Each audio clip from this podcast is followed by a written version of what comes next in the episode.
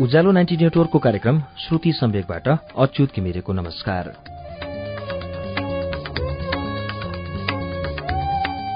उज्यालो ninety network काठमाडौँसँगै देशभरिका विभिन्न FM स्टेशनहरूबाट एकैसाथ हरेक मंगलबार र शुक्रबार राति सवा नौ बजे कार्यक्रम श्रुति सम्वेक प्रसारण हुन्छ। श्रुति सम्वेकमा हामी वरिष्ठ लेखकहरूका उत्कृष्ट कृतिहरू वाचन गर्छौं।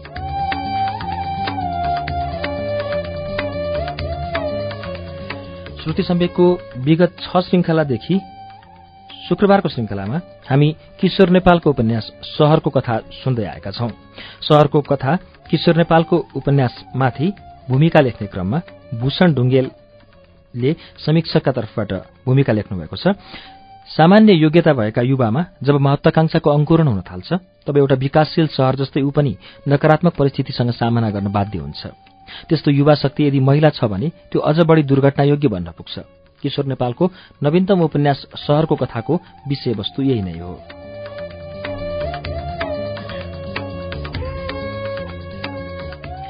यसै उपन्यास शहरको कथाको छैठौं श्रृंखला वाचन अब शुरू हुन्छ पृष्ठ एक सय छबाट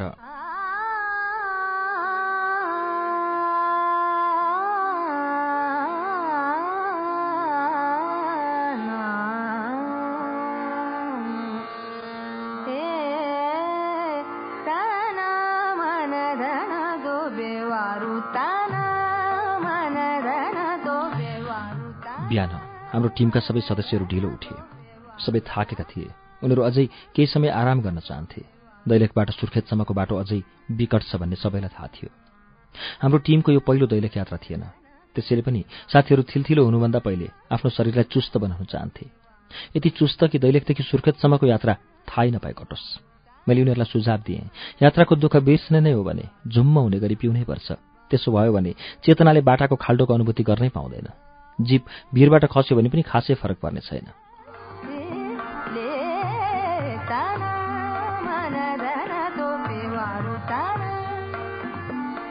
मेरो कुरा सुनेर सबै रमाइलो मानेर गलल्ला हाँसे तर उनीहरू माथितिर यात्रा गर्न तयार भएनन्। कुनै ठाउँबाट ढिलो यात्रा सुरु गरियो भने पुग्ने ठाउँमा पनि ढिलै पुगिन्छ। मैले साथीहरूलाई सचेत गराउन मात्र यो वाक्य बोलेको थिएँ। जब आफ्नो एकजना साथी बोल्यो होइन यसपटक तपाईँ पहिलो पटक गलत हुनुभयो। हामी हेलिकप्टरमा गयौँ भने छिट्टै पुगिन्छ। मैले भने हेलिकप्टर तिम्रो ससुराले पठाइदिँदैछ। साथीले जवाफ दियो अहिलेसम्म त ठिकै छ बिहे गरेको छैन। अब सधैँ यस्तै घुमन्ते काम गर्न भइयो भने हेलिकप्टर साउकी छोरीसँग बिहे गर्नु पर्ला। कुरा सुनेर साथीहरू पेट मिचिमिची हाँसे। उसको कुरोमा त्यस्तो अद्भुत त केही थिएन तर बोलीको स्टाइल आफैमा बडो रमाइलो थियो।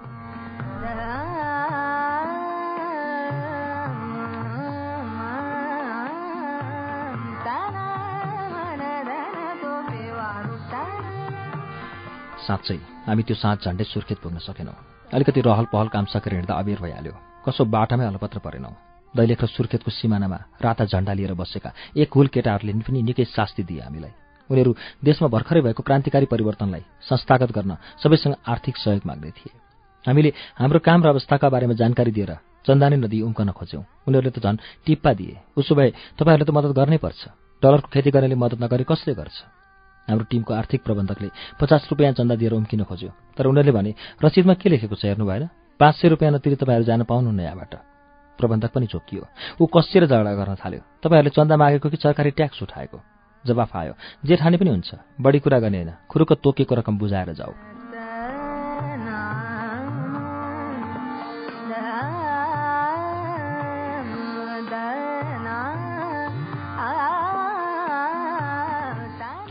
आँखा यसो छड्के घुमाउँदा प्रबन्धकले क्रान्तिकारीको कम्बरमा झुन्डिएको पिस्तोल देखेछ। त्यसपछि ऊ चुप लाग्यो र पाँच सय रुपियाँ बुझायो। झगडा गरेर बस्ने बेला थिएन त्यो। नजिकैको पुलिस चौकीमा पुलिसहरू सुतिसकेका थिए। नसुतेकै भए पनि उनीहरूले गर्न सक्ने केही थिएन। देशमा शान्तिकाल सुरु भएकाले उनीहरू पनि मस्त थिए। छेउको किराना पसलले त सुरुमै हामीलाई बताइसकेको थियो। पुलिसहरू त अचेल दिउँसो पनि सुतेरै जागिर खान्छन्। उनीहरूको भर गर्नुभन्दा भाइहरूले भनेको मानु नै राम्रो होला।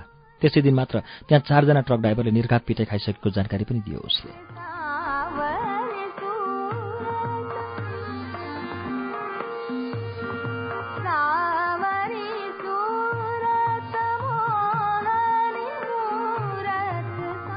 त्यहाँबाट उम्किएर सुर्खेतको सीमालाई अलिकति छिचोलेपछि एउटा अर्को ब्यारियर देखियो। यो सरकारी ब्यारियर थियो सैनिक ब्यारेकको। हाम्रो जीप ब्यारियर अगाडि रोकियो। एकजना सिपाही आएर एकपटक हाम्रो जीप फनक्क घुम्यो र चालकसँग ठाडो भाषामा सोध्यो कहाँबाट आयो? चालकको आँखा सिपाहीको बोकेको लाइट मेसिन गनमा परिसकेको थियो। बत्तीको मधुरो उज्यालोमा मेसिन गन चमक चमक चम्किरहेको थियो। चालकको निधारमा पसिना आउन थालेको थियो चिटचिट। दैलेखबाट द्वन्द्वकालमा सवारी चालकको रूपमा धेरै पटक सिपाहीको पिटाइ खाइसकेको हाम्रो चालक बिस्तारै बोल्यो।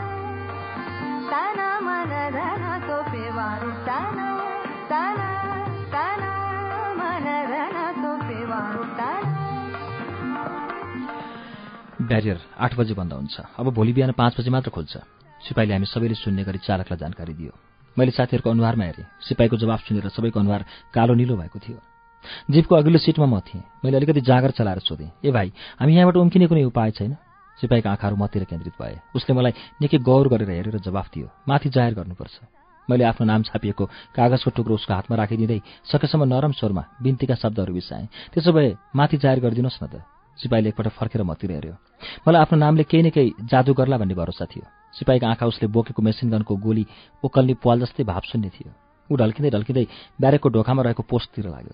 हामीसँग पर्खिनु बाहेक अरू कुनै उपाय थिएन। रात छिपिँदै गइसकेको थियो। त्यो बाक्लो न बाक्लो अँध्यारोमा म सोचिरहेको थिएँ यो तगारो भत्काउने गरी जीप कुदाएर भाग्यो भने के होला?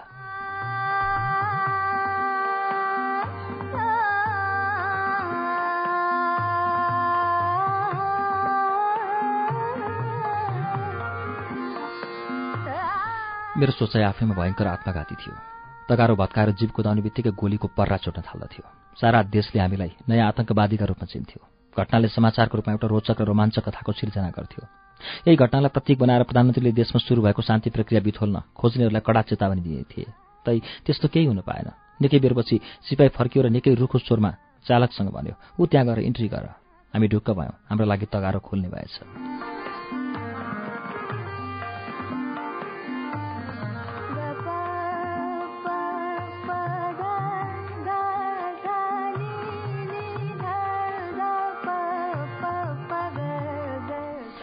सुर्खेत उपत्यकाभित्र छिर्दा अँध्यारो पुरै गाडा भइसकेको थियो। सुर्खेत उपत्यका मस्त निद्रामा थियो। कतै कतै झ्यालका चिराहरूबाट कोठाभित्रको उज्यालो सडकमा चुइएको देखिए पनि सहरका सबै होटलहरू बन्द भइसकेका थिए। हामीलाई बासको खासै चिन्ता थिएन। हामीले एक परिचित होटलवालालाई आफ्नो आगमनको पूर्व सूचना दिइसकेका थियौँ। हामी चकमन्न सहरमा परिचित होटलको अगाडि पुगेर ढोका ढकढकाउन थाल्यौँ। केही बेरपछि ढोका खोल्यो। हामीलाई देखेर होटलवाला निकै आत्तियो। अलिकति आत्तिँदै र अलिकति अकमकाउँदै उसले भन्यो ओहो तपाईँहरू नौ बजीसम्म आइपुग्नु भएन। मैले त कोठा अरूलाई नै दिएँ। आज मान्छेको चाप पनि साह्रै थियो अब के गर्ने होला उसको कुरा सुनेर हाम्रो टिमको एकजना साथी झन्डै उत्तेजित भयो उसको उत्तेजनालाई शान्त गर्दै मैले भने कुल होटलवालाले आफ्नो कर्तव्य बिर्सेन उसले छिमेकका एक दुई होटलमा फोन गर्यो हाम्रो बासको व्यवस्था मिलाएर भन्यो अब के गर्नु आज एक रातका लागि खाना यता खानु सुत्न उता जानुहोस् मलाई निकै थकाइ लागेको थियो म खानाभन्दा पनि सुत्न बढी इच्छुक थिएँ त्यसैले भने होइन म चाहिँ कोठामा जान्छु खाना तयार भएपछि बोलाउनु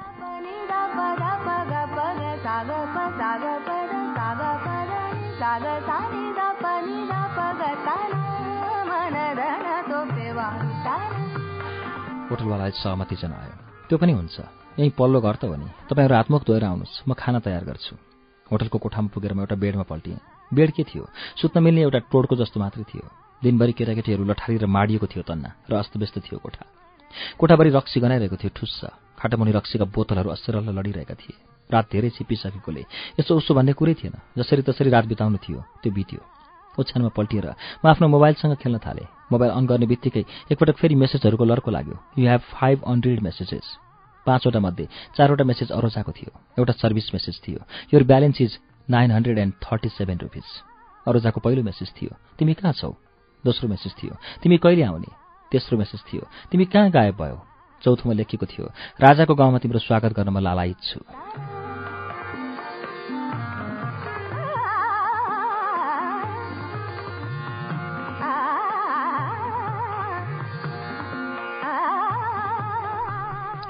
त्यति बेलासम्म नेपालमा एउटा राजा पनि थियो।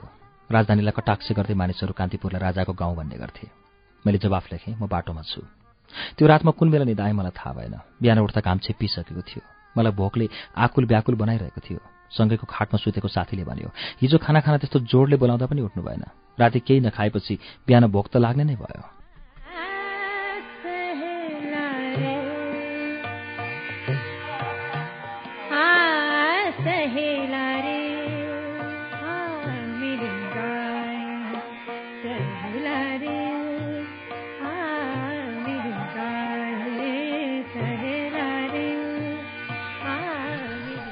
सुर्खेतबाट हिँड्दा पनि दिन ढल्किसकेको थियो। बासमा राति अबेर पुग्ने र भोलिपल्ट पनि त्यहाँबाट अबेर हिँड्ने बानी नै भइसकेको थियो हाम्रो। यो हिसाबले हामी निर्धारित समयमा कान्तिपुर पुग्ने कुनै सम्भावना नै थिएन। त्यसो त बिहानै सायद पारेर हिँडेको भए पनि कति दिनमा कान्तिपुर पुगिन्छ भन्न सकिने अवस्था थिएन। बाटो रोकेर आफ्नो माग पूरा गराउने होडमा लागेका थिए नेपाली जनता। राजमार्गहरूमा यातायात ठप्प पारेर सरकार झुकाउने चलन बढ्दो थियो। सुर्खेतमा एकजना शुभेच्छुकले सुझाएका थिए। तपाईँहरू गाडीमा प्रेस लेखेर टाँच्नुहोस् न। प्रेसलाई कसरी रोकेका छैनन् अहिलेसम्म। आखिर तपाईँहरू पनि प्रेसकै मान्छे त हो नि? उनको आइडिया नराम्रो थिएन तर म भने परिचय लुकाएर हिँड्न चाहन्थेँ।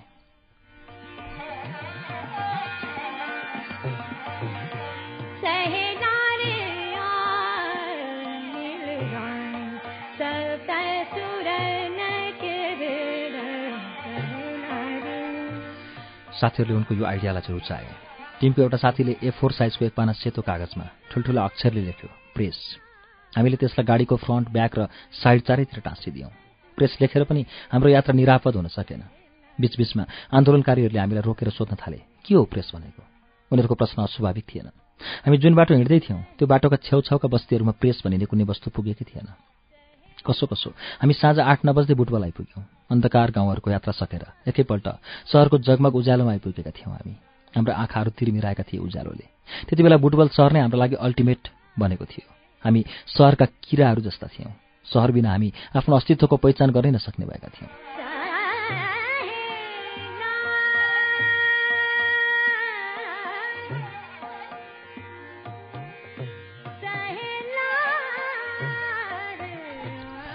बुटबलमा सुविधाजनक होटलहरूको अभाव थिएन। हामी त्यसैको खोजीमा थियौँ। होटलको कोठामा आराम गर्दै मैले अरोजालाई कल गरेँ। आइमाईसँग सक्रिय संसर्गको उत्कट चाहनाले सताइरहेको थियो मलाई। त्यो चाहना पूरा हुने सम्भावना नै थिएन। विकल्पमा कुनै केटीसँग कुरा गरेर तृष्णा मेटाउने आवश्यकताको बोध भइरहेको थियो मलाई। एक प्रकारको अनौठो भावनात्मक स्थितिमा थिएँ म। मैले कल गर्ने बित्तिकै उसले फोन उठाइहालेँ। मैले सोधेँ किन के भयो? हिजोदेखि मेसेज पनि छैन कल पनि छैन। मेरो मोबाइलमा ब्यालेन्स नै छैन। बरु अलिकति पैसा ट्रान्सफर गरिदेऊ न। त्यति बेला राति उसको मोबाइलमा पैसा भरिदिनु सम्भव थिएन। मैले मोबाइल थन्काइदिएँ। भोलिपल्ट सबेरै बजारमा पुगेर मैले उसको मोबाइलमा पाँच सय रुपियाँ रिचार्ज गरिदिएँ। मोबाइल रिचार्ज हुने बित्तिकै उसले चम्किएर कल गरी ल आऊ अब दोहोरी खेलौँ।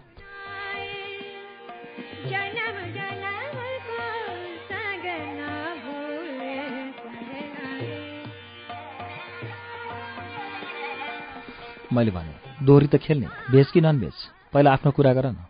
मेरो आफन्तहरू मेरो कानी दिदीको बिहेका लागि तातिरहेका छन्। म चाहिँ बाउको बिहे देख्ने दिन आउला भनेर डराइरहेकी छु। किन देख्ने बाउको बिहे के तिम्रा लागि नि खोजे केटो? खोजिदिनुहोस् न एउटा राम्रो नेपाली बाबु। म त सक्दिनँ। बरु तिमी बिहे नै नगर। ऊ हाँसी खिती दिदी मैले भने तिमीलाई लोग्नेले दिन के सक्ने नै के छ र? किन बिहे गर्नु? I want to go through every phase a girl has to go I want to be wife mother etc etc सैतानी सोच। हुन्छ त्यसो भए बिहे गर। दुई दर्जन बच्चा पाऊ। अग्रिम शुभकामना छ मेरो। मैले भनिदिएँ। आफूलाई त पाल्न सक्दिनँ। कसरी पाल्नु दुई दर्जन बालसेना उसले फेरि सोधे। त्यसो भए बिहे नगर।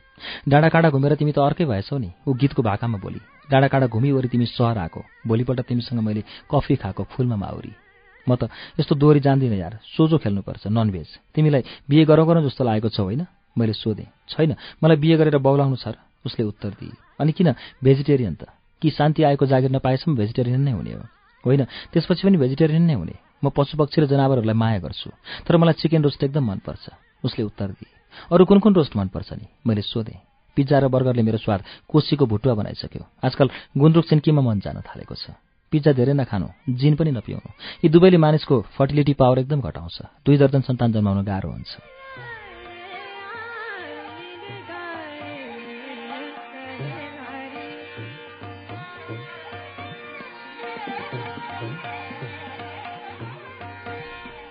थ्याङ्क यू फर कन्फर्मेसन दुई दर्जनको त कुरै नगर सातवटा जन्माउने रहर चाहिँ छ।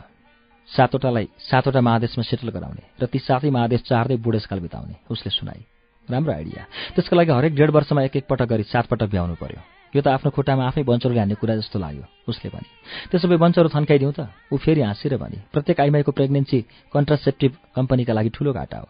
मैले जिस्काएँ। अचेल कन्ट्रासेप्टिभ त ब्याचलरका लागि पो त त्यसपछि ऊ केही बोलिन। मैले एकपल्ट फेरि उसलाई जिस्काएँ। तिमी सपनामा पनि कसैसँग मस्किने गल्ती नगर। मलाई मस्किन भन्दा पनि शान्ति आएको रिजोइन गरेको विपना देख्न हतार भएको छ। एक महिनादेखि त्यही कल्पिरहेको छु। हरेक दिन सपना विपनामा परिणत भएको सपना देख्छु। तैपनि सपना अधुरै छ। लौ न चलाइदेऊ तिम्रो जादु।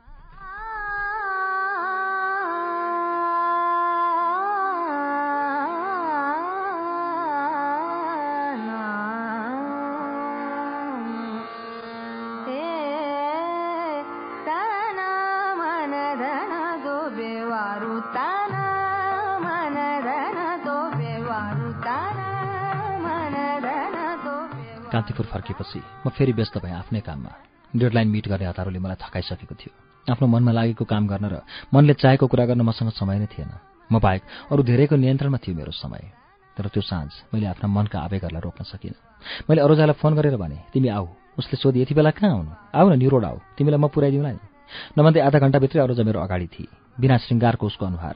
सहरको बत्तीको उज्यालोमा ज्वाजल्यमान देखेको थियो। मैले निरोडको आकाशमा चम्किरहेको एउटा साइनबोर्डतिर उसको ध्यान ताने। साइनबोर्डमा एउटी केटी रक्सीको बोतल देखाएर एउटा केटालाई आकर्षित गर्दै थिए।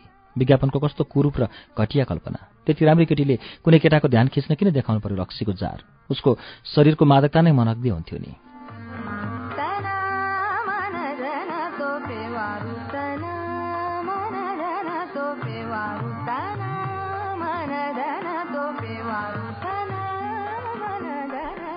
अब के गर्ने त? अरूजाले सोधी मोमो खाने मैले जवाफ दिएँ। हामी बसन्तरको बसन्तपुरको नाइट मार्केट पुग्यौँ र एउटा मोमो स्टल अगाडि उभियौँ। हामीलाई देख्ने बित्तिकै स्टलवालाले सोध्यो चिकन कि बफ? अरूजाले जवाफ दिए चिकन। अर्डर दिएको पाँच सात मिनटपछि हाम्रो अगाडि मोमो आइपुग्यो। बोतोभरि धनिया र गोलभेडाको अचारमा लतपत्तिएको मोमो स्वादिलो थियो। मोमो खाइसकेपछि अरूजाले फेरि सोधी अब के गर्ने? मैले भने अब रक्सी पिउने। ऊ झन् कि? नाइ म त पिउँदिनँ। मैले जेकोबसँग उसको सम्बन्धको स्टेटस थाहा पाउने हिसाबले भने जेकोबसँग पिउन हुने मसँग नहुने एक ग्लास वाइन पिउन। जेकोबको नाम सुन्ने बित्तिकै ऊ खिन्न भई एकैछिन अघिसम्म उसको अनुहारमा देखेका खुसी र उत्साहका रेखाहरू गायब भए ऊ बिस्तारै बोली अह पिउन्न।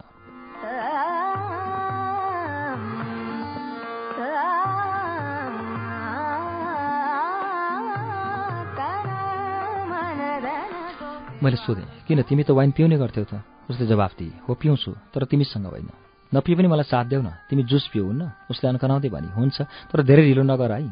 मैले भने ढिलो किन गर्नु र? मलाई पनि बिहानै सुप्रिमोलाई भेट्न जानु छ। रुजाले भने सुप्रिमो कहाँ? मलाई पनि लैजाऊ न। नजिकैको एउटा बारमा पस्दै मैले भने हुन्छ। सुप्रिमोसँग भेट गर्ने उसको इच्छा उत्कट थियो। देशबाट हिंसा समाप्त गर्न सबै पक्ष सहमत भइसके पनि सुप्रिमो पुरै सार्वजनिक भइसकेका थिएनन्। उनका बारेमा अनेकौं कथा र किम्बदन्तीहरू प्रचारमा ल्याइएको थियो। उनको असामान्य व्यक्तित्वलाई अझै असामान्य र असाधारण बनाउन उनको पार्टीका प्रचार प्रसार संयन्त्रहरू अहोरात्र जुटिरहेका थिए।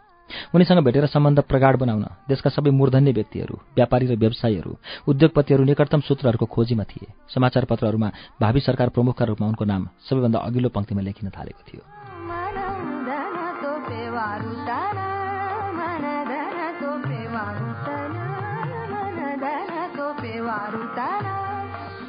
भोलिपल्ट साँच्चै नै मैले अरूजालाई सुप्रिमोसँग भेट गराउन लिएर गएँ।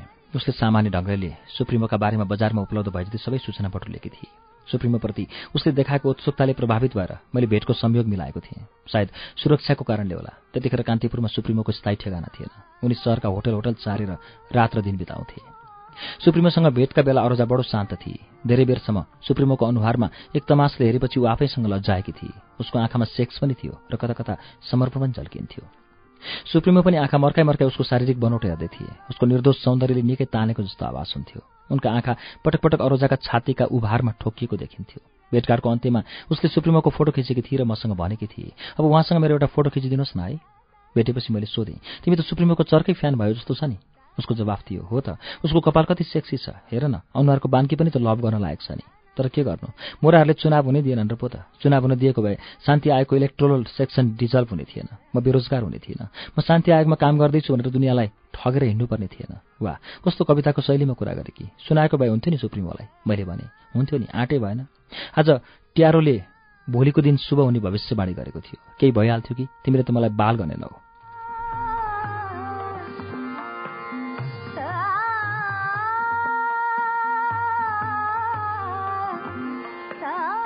अरूजा ठिक भन्दै थिए। मैले उसको रोजगारीका बारे एकरति पनि चिन्ता लिएको थिइनँ। के गर्नु चिन्ता लिएर? उसले चाहेको जस्तो रोजगार दिलाउन सक्दैन थिएँ म। मैले दिलाउन सक्ने जस्ता रोजगारीका लागि ऊ तयार थिइनँ। स्वार्थहरूको यो संसारमा अरूजालाई भव्य काम दिलाउन सक्ने कुनै खुबी मसँग थिएन। बरु ऊ तरुणी भएको नाताले आफूलाई रोजगार दिलाउन सक्ने शक्ति ऊ आफैसँग थियो। तैपनि मैले उसलाई सान्त्वना दिएँ। यो साता केही हुन पनि सक्छ। जिन्दगीमा यस्ता उकाली ओह्रालीहरू धेरै पार गर्नुपर्छ। तिमी अल्वेयर क्यामोको सिसिफसको कथा पढ न। सिसिफसले धेरै पटक बेसीको ढुङ्गोलाई शिखरमा पुर्यायो र धेरै पटक ऊ पेसीमै थचारियो तैपनि हार मानेन उसले।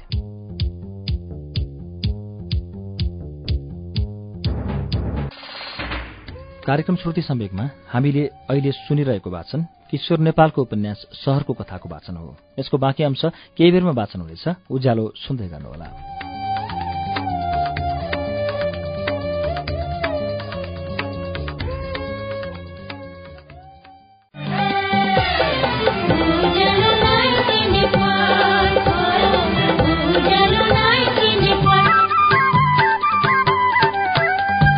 सीधा कुरा प्रष्ट विचार उज्यालो नाइन्टी नेटवर्क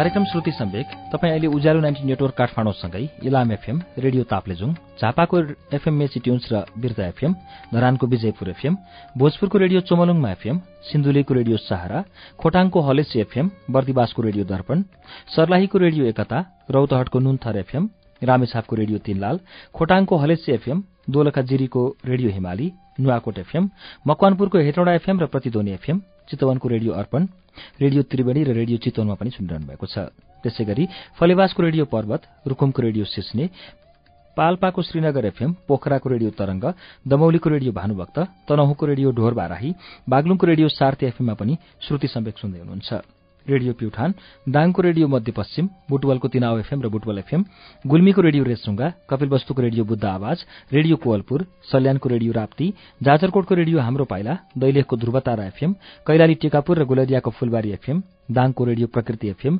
सुर्खेतको रेडियो भेरी र बुलबुले एफएम जुम्लाको रेडियो कर्णाली र कालीकोटको रेडियो नयाँ कर्णालीबाट पनि अहिले एकैसाथ श्रुति सम्वेक प्रसारण भइरहेको छ। श्रुति सम्वेकमा हामी आज किशोर नेपालको उपन्यास शहरको कथाको छैठौं श्रृंखला वाचन सुनिरहेका छौं। अब यसको बाँकी अंश वाचन सुनौ।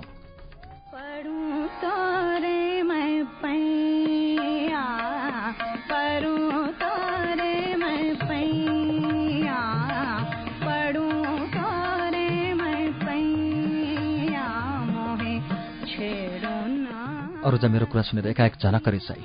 उत्तेजित हुँदै ऊ बोली मानिसको पेट भोको भएपछि उसको दिमाग पनि बोधो हुन्छ। बोधो दिमागले दर्शन बुझ्दैन। त्यसैले तिम्रो यो उपदेशको थुप्रोमा म मुटी दिन्छु केटीले अहिलेसम्म यति असभ्य भाषामा मसँग कुरा गरेकी थिएन। यो उसको स्वाभाविक आक्रोशभन्दा पनि मैले उसको जागिरका लागि प्रयास नगरिदिएकोले मनमा गुजुल्टिएर रहेको रिसको अभिव्यक्ति जस्तो लाग्यो मलाई। मलाई पनि झोक चल्यो। झोकैमा भनिदिएँ जेसुकै गर मैले तिमीलाई जागिर खुवाउनु ठेक्का कबुल गरेको छु र।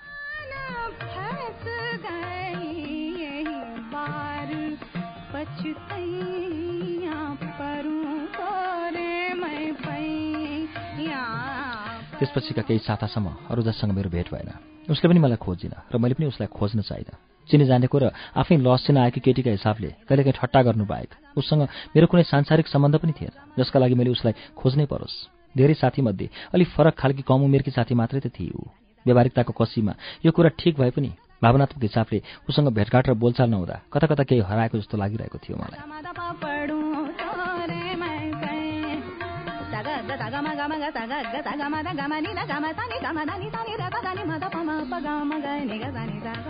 मन रितिएको जस्तो। अलिकति भावनात्मक बिम्बहरूको अभाव अलिकति सृजनात्मकतामा रास र अलिकति के के अलिकति के के। मनको भित्री भागमा उसका प्रति कतै अलिकति माया त लुकेको थिएन। म आफ्नै लागि यो गम्भीर प्रश्न थियो। मेरा लागि यो एक प्रकारको सङ्कट नै थियो मानसिक सङ्कट। आफ्नै अन्तरकुन्तरको यथार्थ बुझ्न सकिरहेको थिइनँ मैले। त्यस दिन जुन दिन म अरोजाको बारेमा सोचिरहेको थिएँ म अबेरसम्म उसैको बारेमा मात्रै सोचिरहेको थिएँ। काम अस्ताइसकेपछि मात्र म मानसिक तन्त्रबाट झल्यास बिउजिएको थिएँ।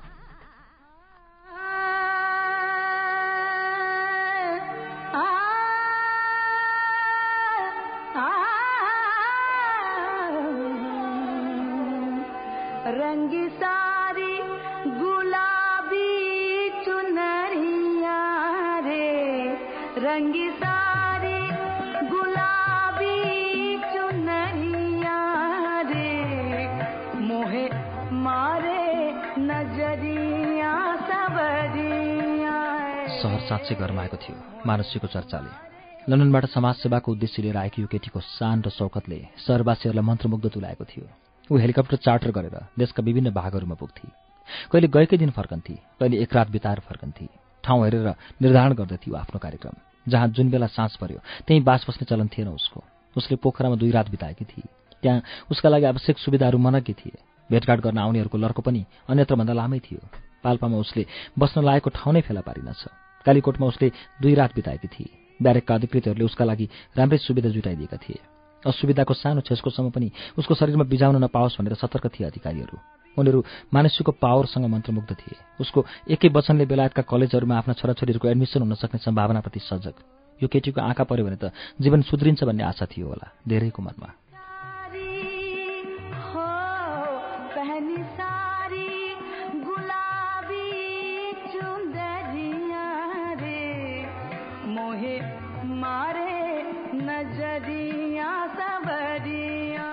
मानुष्यले कान्तिपुरमा तीन चारवटा ठूला पार्टी आयोजना गरिसकेकी थिए। हरेक पार्टीमा झन्डै पाँच सय मानिसलाई निम्ताइए पनि सधैँ एक हजार जति भेला हुन्थे भन्ने सुनेको थिएँ मैले। पार्टीमा जाने सौभाग्य पाएका मेरा मित्रहरू बताउँथे। जसले निम्तो पाएका हुँदैनथे ती पनि टाइट सुटमा ठाँटिएर त्यहाँ पुगेका हुन्थे। मानिसको आफ्नै सम्पर्क निकै सीमित भएकोले उसका अर्गनाइजरहरूले आफ्नै हिसाबले पार्टी आयोजना गरिदिन्थे। कसैलाई कुनै रोकटोक हुँदैनथ्यो। टिट बिट्स र मदिराबाट सुरु भएर डिनर टेबलसम्म पुग्दा पार्टी मात्तिसकेको हुन्थ्यो। मातिएका मानिसहरू आफूलाई मात नलागेको देखाउन बढी नै सावधान हुन्थे। उनीहरूको यो सावधानीले कहिले उनीहरूको हातबाट चम्चा भुइँमा खस्थ्यो र कहिले मुखमा हाल्दा हाल्दैको घाँस कोटमा अड्किन्थ्यो। आपसमा सामान्य जान पहिचान समेत नभएका मानिसहरू पार्टीको मध्यान्तरसम्ममा घनिष्ठ भइसकेका हुन्थे। कसको लोग्नेको आत्मीयता कसकी स्वास्नीसँग बढेको छ र कसकी स्वास्नीको आकर्षणको बिन्दु कसको लोग्ने भनेको छ भन्ने जानकारी राख्न चाहनेहरूको लागि पार्टी राम्रो स्रोत भनेको चर्चा थियो सहरमा। डिनर टेबलमा जानुभन्दा अघि फिल्मी गीतका नाचहरूमा युवा युवतीहरू जोस जोसले थर्किरहेका हुन्थे। सधैँ अभाव र सधैँ व्यस्तताको चर्चा गर्नेहरूका लागि पार्टी उन्मुक्तिको प्रचण्ड अवसरका रूपमा आउँथ्यो।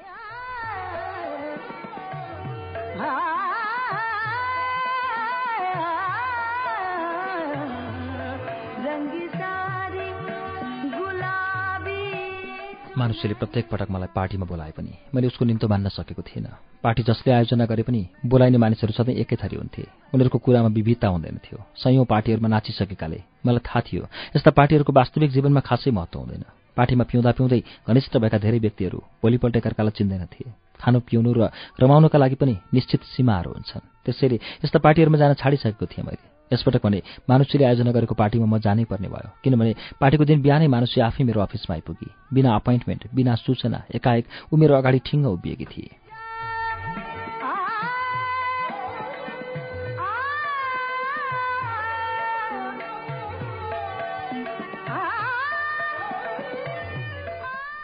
उसलाई आफ्नो अगाडि देखेर म झन्डै उत्तेजित भएको थिएँ।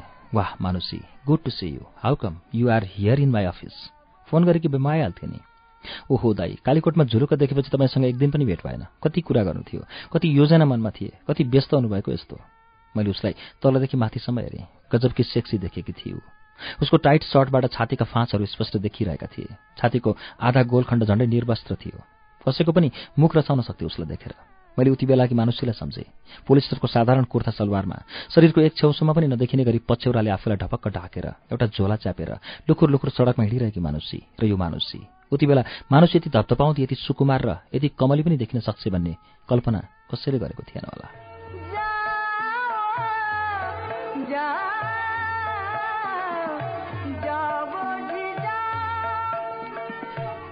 मेरो दृष्टि आफूमा गाडीजीको देखेर मानुषी मक्ख थिए। उसले बुझेकी थिए केमा टिकेका छन् मेरा आँखाहरू। उसको अनुहारमा विभिन्न भावहरू आएका थिए। ती भावहरूका माध्यमबाट ऊ मलाई बताउँदै थिए देख्नुभयो आखिर मैले यो सहरसँग बदला लिएरै छाडेँ।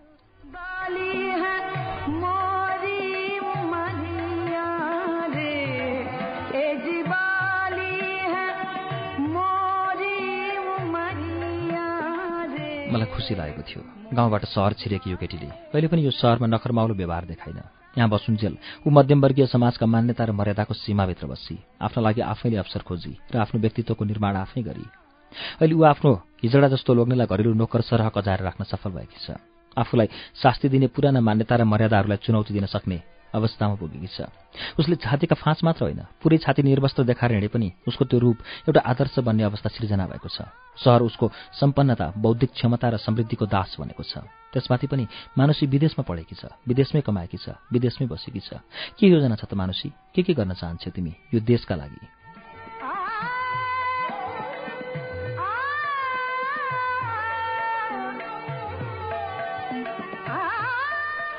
मेरो प्रश्न सुनेर ऊ उत्साहित भए आफ्नो जिब्रोले बिस्तारै ओठहरूलाई भिजाउँदै भन्न थाली। धेरै स्कोप रहेछ दाइ यहाँ। म साँच्चै केही गर्न चाहन्छु। मसँग अहिले स्रोत पनि छ। क्षमता पनि छ। र एक प्रकारको मान्यता पनि छ। म तपाईँसँग त्यही कुरा गर्न आएँ कि कुन क्षेत्रमा लाग्दा राम्रो होला? देशमा राजनीतिक परिवर्तन आए पनि स्कोप सिस्कोप र खासै बढेको केही थिएन। सत्ताको सिरानमा बसेर हाँकदाग गर्न सक्ने मानिसहरूको सङ्ख्या थपिएको थियो। कुनै मौलिक परिवर्तन आएको अनुभव कसैले पनि गर्न पाएको थिएन जसको उल्लेख गरेर देशको नाममा गर्व गर्न सकियोस्। मैले एकछिन सोचेको जस्तो अभिनय गर्दै भने त्यो तिम्रो रुचिको कुरा हो। तिमी कुनै पनि क्षेत्रमा सफल हुन सक्छौ। तिमीमा त्यो योग्यता छ। तर म चाहन्छु तिमी यहाँका राजनीतिक नाराहरूमा अल्झेर आफै एउटा अर्को नारा नभन यहाँका सामान्य मानिसहरू यी नाराहरूसँग उक्ताइरहेका छन्। कसैले पनि नारामा विश्वास गरिहाल्ने अवस्था छैन। समाज सेवाका अनेकन अनुहारहरू खलनायकका रूपमा देखिन थालेका छन् यहाँ। यहाँ देखेका सबै अनुहारहरूलाई फेस भ्यालुमा लिन नखोज। यहाँका सबै एरियाहरू बिक्री भइसकेका छन्। एउटा मरेको मानिसको कमिज फुकालेर अर्को मरेको मानिसलाई लगाइदिने र त्यस बाबत ज्याला र भाडा असुल गर्ने भूमि बनिसकेको छ यो देश।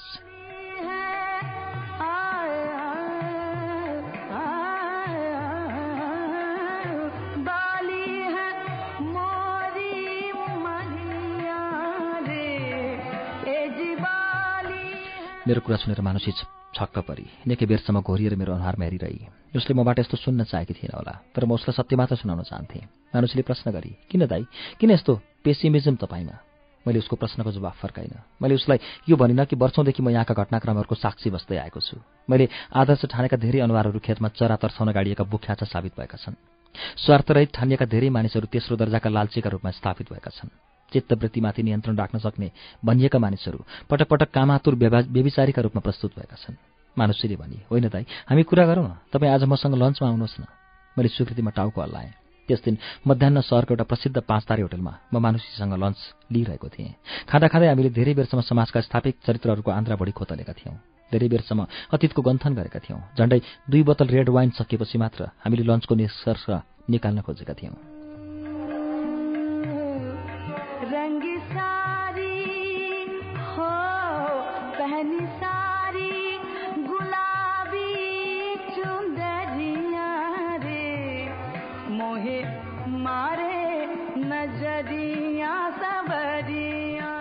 मैले उसलाई सुझाव दिएको थिएँ। मानुषी तिमी साँच्चै केही गर्न चाहन्छौ भने? यो देशका मानिसहरूको आवाजलाई बलियो बनाउने अभियानको थालनी गर। यहाँका मानिसहरूको स्वाभिमानलाई जगाएर उनीहरूको स्वतन्त्र व्यक्तित्व स्थापित गर्न मद्दत गर। यहाँका निमुखाहरूलाई बोल्न सक्ने बनाऊ। म तिमीलाई मद्दत गर्न तयार छु।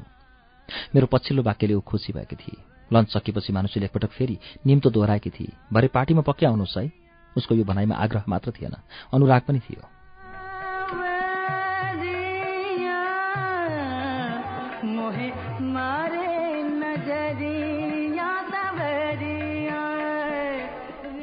आँखा आँखामा उसले मसँग भनेकी थिए पार्टीपछिको समय हामी सँगै बिताउँला। पार्टीमा म केही ढिलै पुगेँ। म त्यहाँ पुग्दा कोलाहाल बनिसकेको थियो पार्टी राग चढिसकेको थियो पार्टीमा। मानिसहरू आफूसँग भएका सबैभन्दा दामी लुगा लगाएर उपस्थित भएका थिए। पर्फ्युम रक्सी र चुरोटको धुवा विचित्र गन्धले पार्टीलाई नसिलो बनाएको थियो। केही नपिउँदा पनि झुमु झुमु जस्तो लाग्ने। आमन्त्रितहरू एकअर्कासँग घुलमिर भइसकेका थिए। नयाँ आउने कुनै पनि मानिस अपरिचित रहन सक्ने खतरा मेटिसकेको थियो। त्यहाँ मानिसको परिचय चाहिएको थिएन। अनुहार भए पुग्दथ्यो मेरा लागि परिचयको सङ्कट पनि थिएन। चिन्जानका धेरै मानिसहरू नसामा झुल्न थालिसकेका थिए। कता कता यो परिवेशमा रमाउन नसक्ने त होइन भन्ने आशंका मात्रै थियो मेरो मनमा।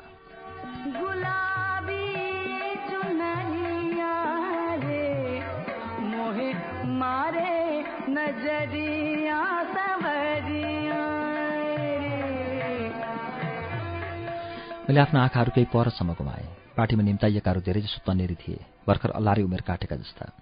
केही उमेरको हद पार गर्न थालेका आइमाईहरू पनि थिए जसले आफ्नो उमेर र वजनलाई चर्को मेकअपभित्र लुकाउन खोजेका थिए। मेकअपभित्र उनीहरूको उमेर लुक्न सकेको थिएन। पार्टीमा शरिक भएका प्राय सबैको हातमा वाइनका ग्लासहरू थिए। सहरमा हार्ड ड्रिङ्कको चलन घट्दै गएको थियो फेसनकै रूपमा। पार्टीको केन्द्रबिन्दुमा एक हुल मानिसले घेरेर मानिस उभिएकी थिए। उसको हातमा वाइनको ग्लास हुनु त स्वाभाविक नै थियो। छिटाठिटीहरूको हुलमा उभिएग्लै एकदमै फरक ढङ्गले चम्किरहेकी थिए। रमाइलो हाँसो हाँस्दै थियो। निकै उन्मुक्त हाँसो। उसको आँसुमा विभोर भइरहेका थिए उसको वरिपरि झुम्बिएका मानिसहरू। मानौ कि उनीहरू मानुषीलाई होइन हिन्दी सिनेमाकी हिरोइन माधुरी दीक्षित लागेर बसेका छन्। म तमासा हेर्दै थिएँ। कसो कसो मानुषीको आँखाले मलाई ठम्याइहाल्यो। ऊ हतारिँदै मेरो छेउमा आई। मलाई गमलङ्ग अँगालो मारेर गालामा मै खाँदै भने गुड टु सी यु दाई।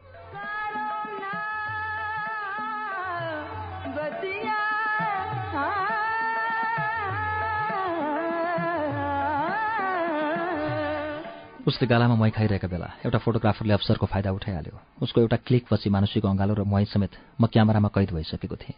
मानुषीको त्यो मैमा हार्दिकता थियो स्वागत थियो र त्यसमा अलिकति अनुराग पनि मिसिएको थियो।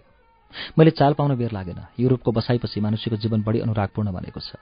पार्टीको वातावरण रमाइलो भए पनि म त्यसमा रमाउन सकिरहेको थिएन। कता कता के के अपुग जस्तो के के नमिलेको जस्तो लागिरहेको थियो मलाई। त्यो ठूलो हलको एउटा कुनामा देशका बुद्धिजीवी र राजनीतिज्ञ भनिने भलात्मीहरू अब नयाँ गठन हुने सरकारका लागि चुनौती र सम्भावनाहरूको लेखाजोखा गर्दै थिए। विगत तीस वर्षदेखि बन्दै आएका प्रत्येक सरकारका चुनौती र सम्भावनाको लेखाजोखा यो समूहको स्थायी पेसा बनेको थियो। सबैभन्दा रमाइलो कुरा युवावस्थादेखि सरकारका चुनौती र सम्भावनाको हिसाब किताब लगाउँदा लगाउँदै उनीहरू उमेरले पनि पाकिसकेका थिए। तैपनि उनीहरूको तर्कमा कुनै परिवर्तन आएको थिएन। उनीहरूले तीस वर्षदेखि बन्दै आएका सरकारका सामु जे जस्ता चुनौती र अवसरहरू देख्ने गरेका थिए। अहिले बन्न लागेको सरकारका सामु पनि उस्तै चुनौतीहरू र उस्तै सम्भावनाहरू बताइरहेका थिए।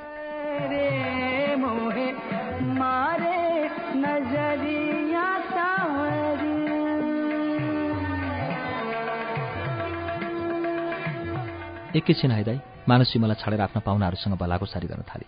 पाहुनाहरूमा सहरका नामी गैर सरकारी संस्थाका कार्यकारी संस्थापकहरू परामर्शदाताहरू सल्लाहकारहरू योजनाविदहरू र पूर्व मन्त्रीहरूको लर्को थियो। म जहाँ उभिएको थिएँ त्यहाँ उभिरहेँ टक्क। म प्रति मानुषीको रेस्पोन्स देख्नेहरू मनमा नै जल्दै थिए होलान्। उनीहरू मसँग हात मिलाउन पनि त्यत्तिकै आतुर थिए। पार्टीमा मेरो भाउ बढेको थियो एकाएक र वात्तै। मलाई कुनै भ्रम थिएन एक्लै मेरो भाउ बढेको होइन। मानुषीसँगको सम्बन्धको घनिष्ठताले बढेको हो। म उसको प्रतिकृति मात्रै हुँ। म मार्फत मानिसहरूले मनुष्यलाई सम्मान अर्पण गरेका हुन्।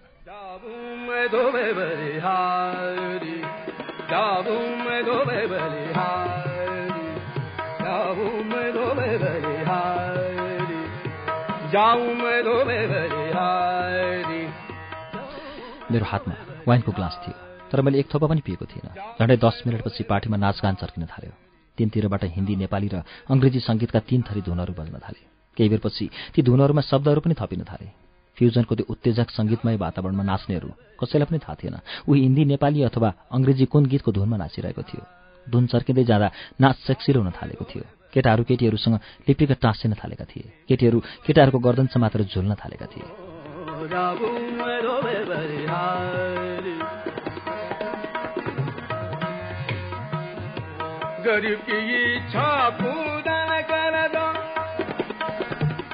लेट्स गो दाई। आवाजले मेरो तन्द्राभङ्ग भयो। छेउमा मानुस उभिएकी थिए। मैले अघि उसको रूपलाई राम्ररी निहाल्न पाएको थिइनँ। यो पटक मेरो आँखाहरूले उसको शरीरलाई शरीरको पुरै निरीक्षण गरे। अनायास मेरो मुखबाट निस्कियो इन्क्रेडिबल मानुषी युआर इन्क्रेडिबल शब्द मुखबाट फुत्किसकेपछि मात्र म झल्यास भएँ। मानुष्यका लागि बेलायती सांसदले प्रयोग गरेको यो शब्द मेरो मुखबाट सुनेर कतै उसको मनमा चिसो त पसेन। मैले मानुष्यको अनुहारमा हेरेँ। त्यस्तो कुनै भाव थिएन त्यहाँ। मानुष्य दङ्ग पर्दै भनिरहेकी थिए थ्याङ्क्स थ्याङ्क्स फर कम्प्लिमेन्ट म उसको पछि पछि लागेँ। बाहिर लबीमा आइसकेपछि सोधेँ तिमी त निक्लियौ। आफैले आयोजना गरेको पार्टीमा आफै बस्नु पर्दैन? उसले जवाफ दिए नट नेसेसरी दाई। When you are with me you are must important person to me my people will take care about the party म गदगद भएँ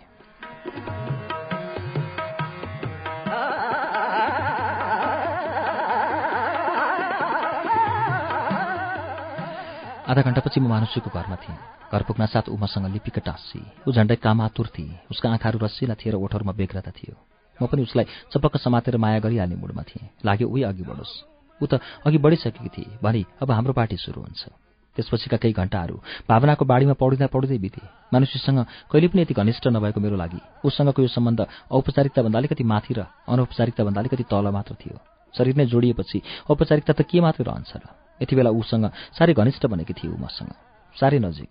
हामी उसको बैठकमा बसेर वाइन पिउन थाल्यौँ। समय जति बित्दै जाँदै थियो त्यति नै हामी बिचको निकटता पनि बढ्दै गइरहेको थियो। मैले उसका हातहरू आफ्नो हातमा लिएर सुमसुमाउन थालेँ। साह्रै नरम थियो उसको हत्केला सुकसुकाउँदो र न्यानो।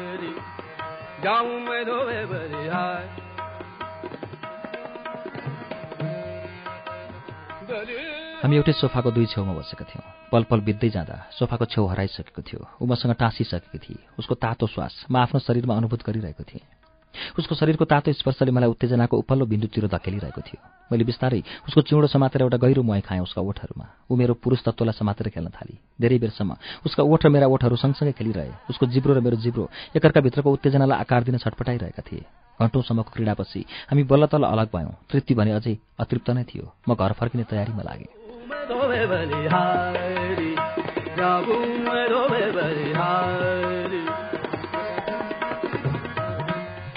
सुते हुँदैन दाई। मानुसी भन्दै थिए म केही बोलिनँ। इसाराले मात्रै बताएँ आई मस्ट गो ऊ मेरो छेउमा आएर मेरो ओठमा गहिरो चुम्बन जडिदिए।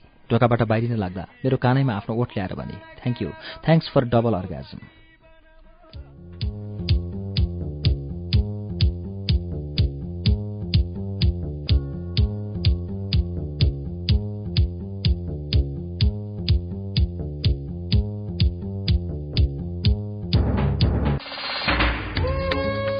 Shruti सम्वेकमा अहिले हामीले सुनेको वाचन किशोर नेपालको उपन्यास सहरको कथाको वाचन हो। यसै वाचनसँगै अब आजलाई कार्यक्रम श्रुति सम्वेकबाट विदा लिने बेला भएको छ। विदा हुनु अघि हाम्रो ठेगाना कार्यक्रम Shruti Sambeg Ujyaalo ninety network post box number छ चार छ नौ काठमाडौँ। यदि तपाईँ इमेलबाट आफ्नो प्रतिक्रिया दिन चाहनुहुन्छ भने हाम्रो इमेल ठेगाना SHRUTI Shruti at UNN dot com dot NP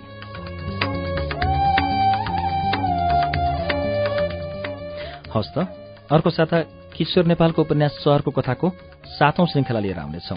त्यसअघि मंगलबारको श्रृङ्खलामा कृष्ण धरावासीको उपन्यास पाण्डुलिपि वाचन हुनेछ। आजका लागि प्राविधिक साथी उदय घिमिरे सहकर्मी मण्टेश्वरी राजभण्डारी र म अच्युत घिमिरे विदा चाहन्छौ। शुभरात्री।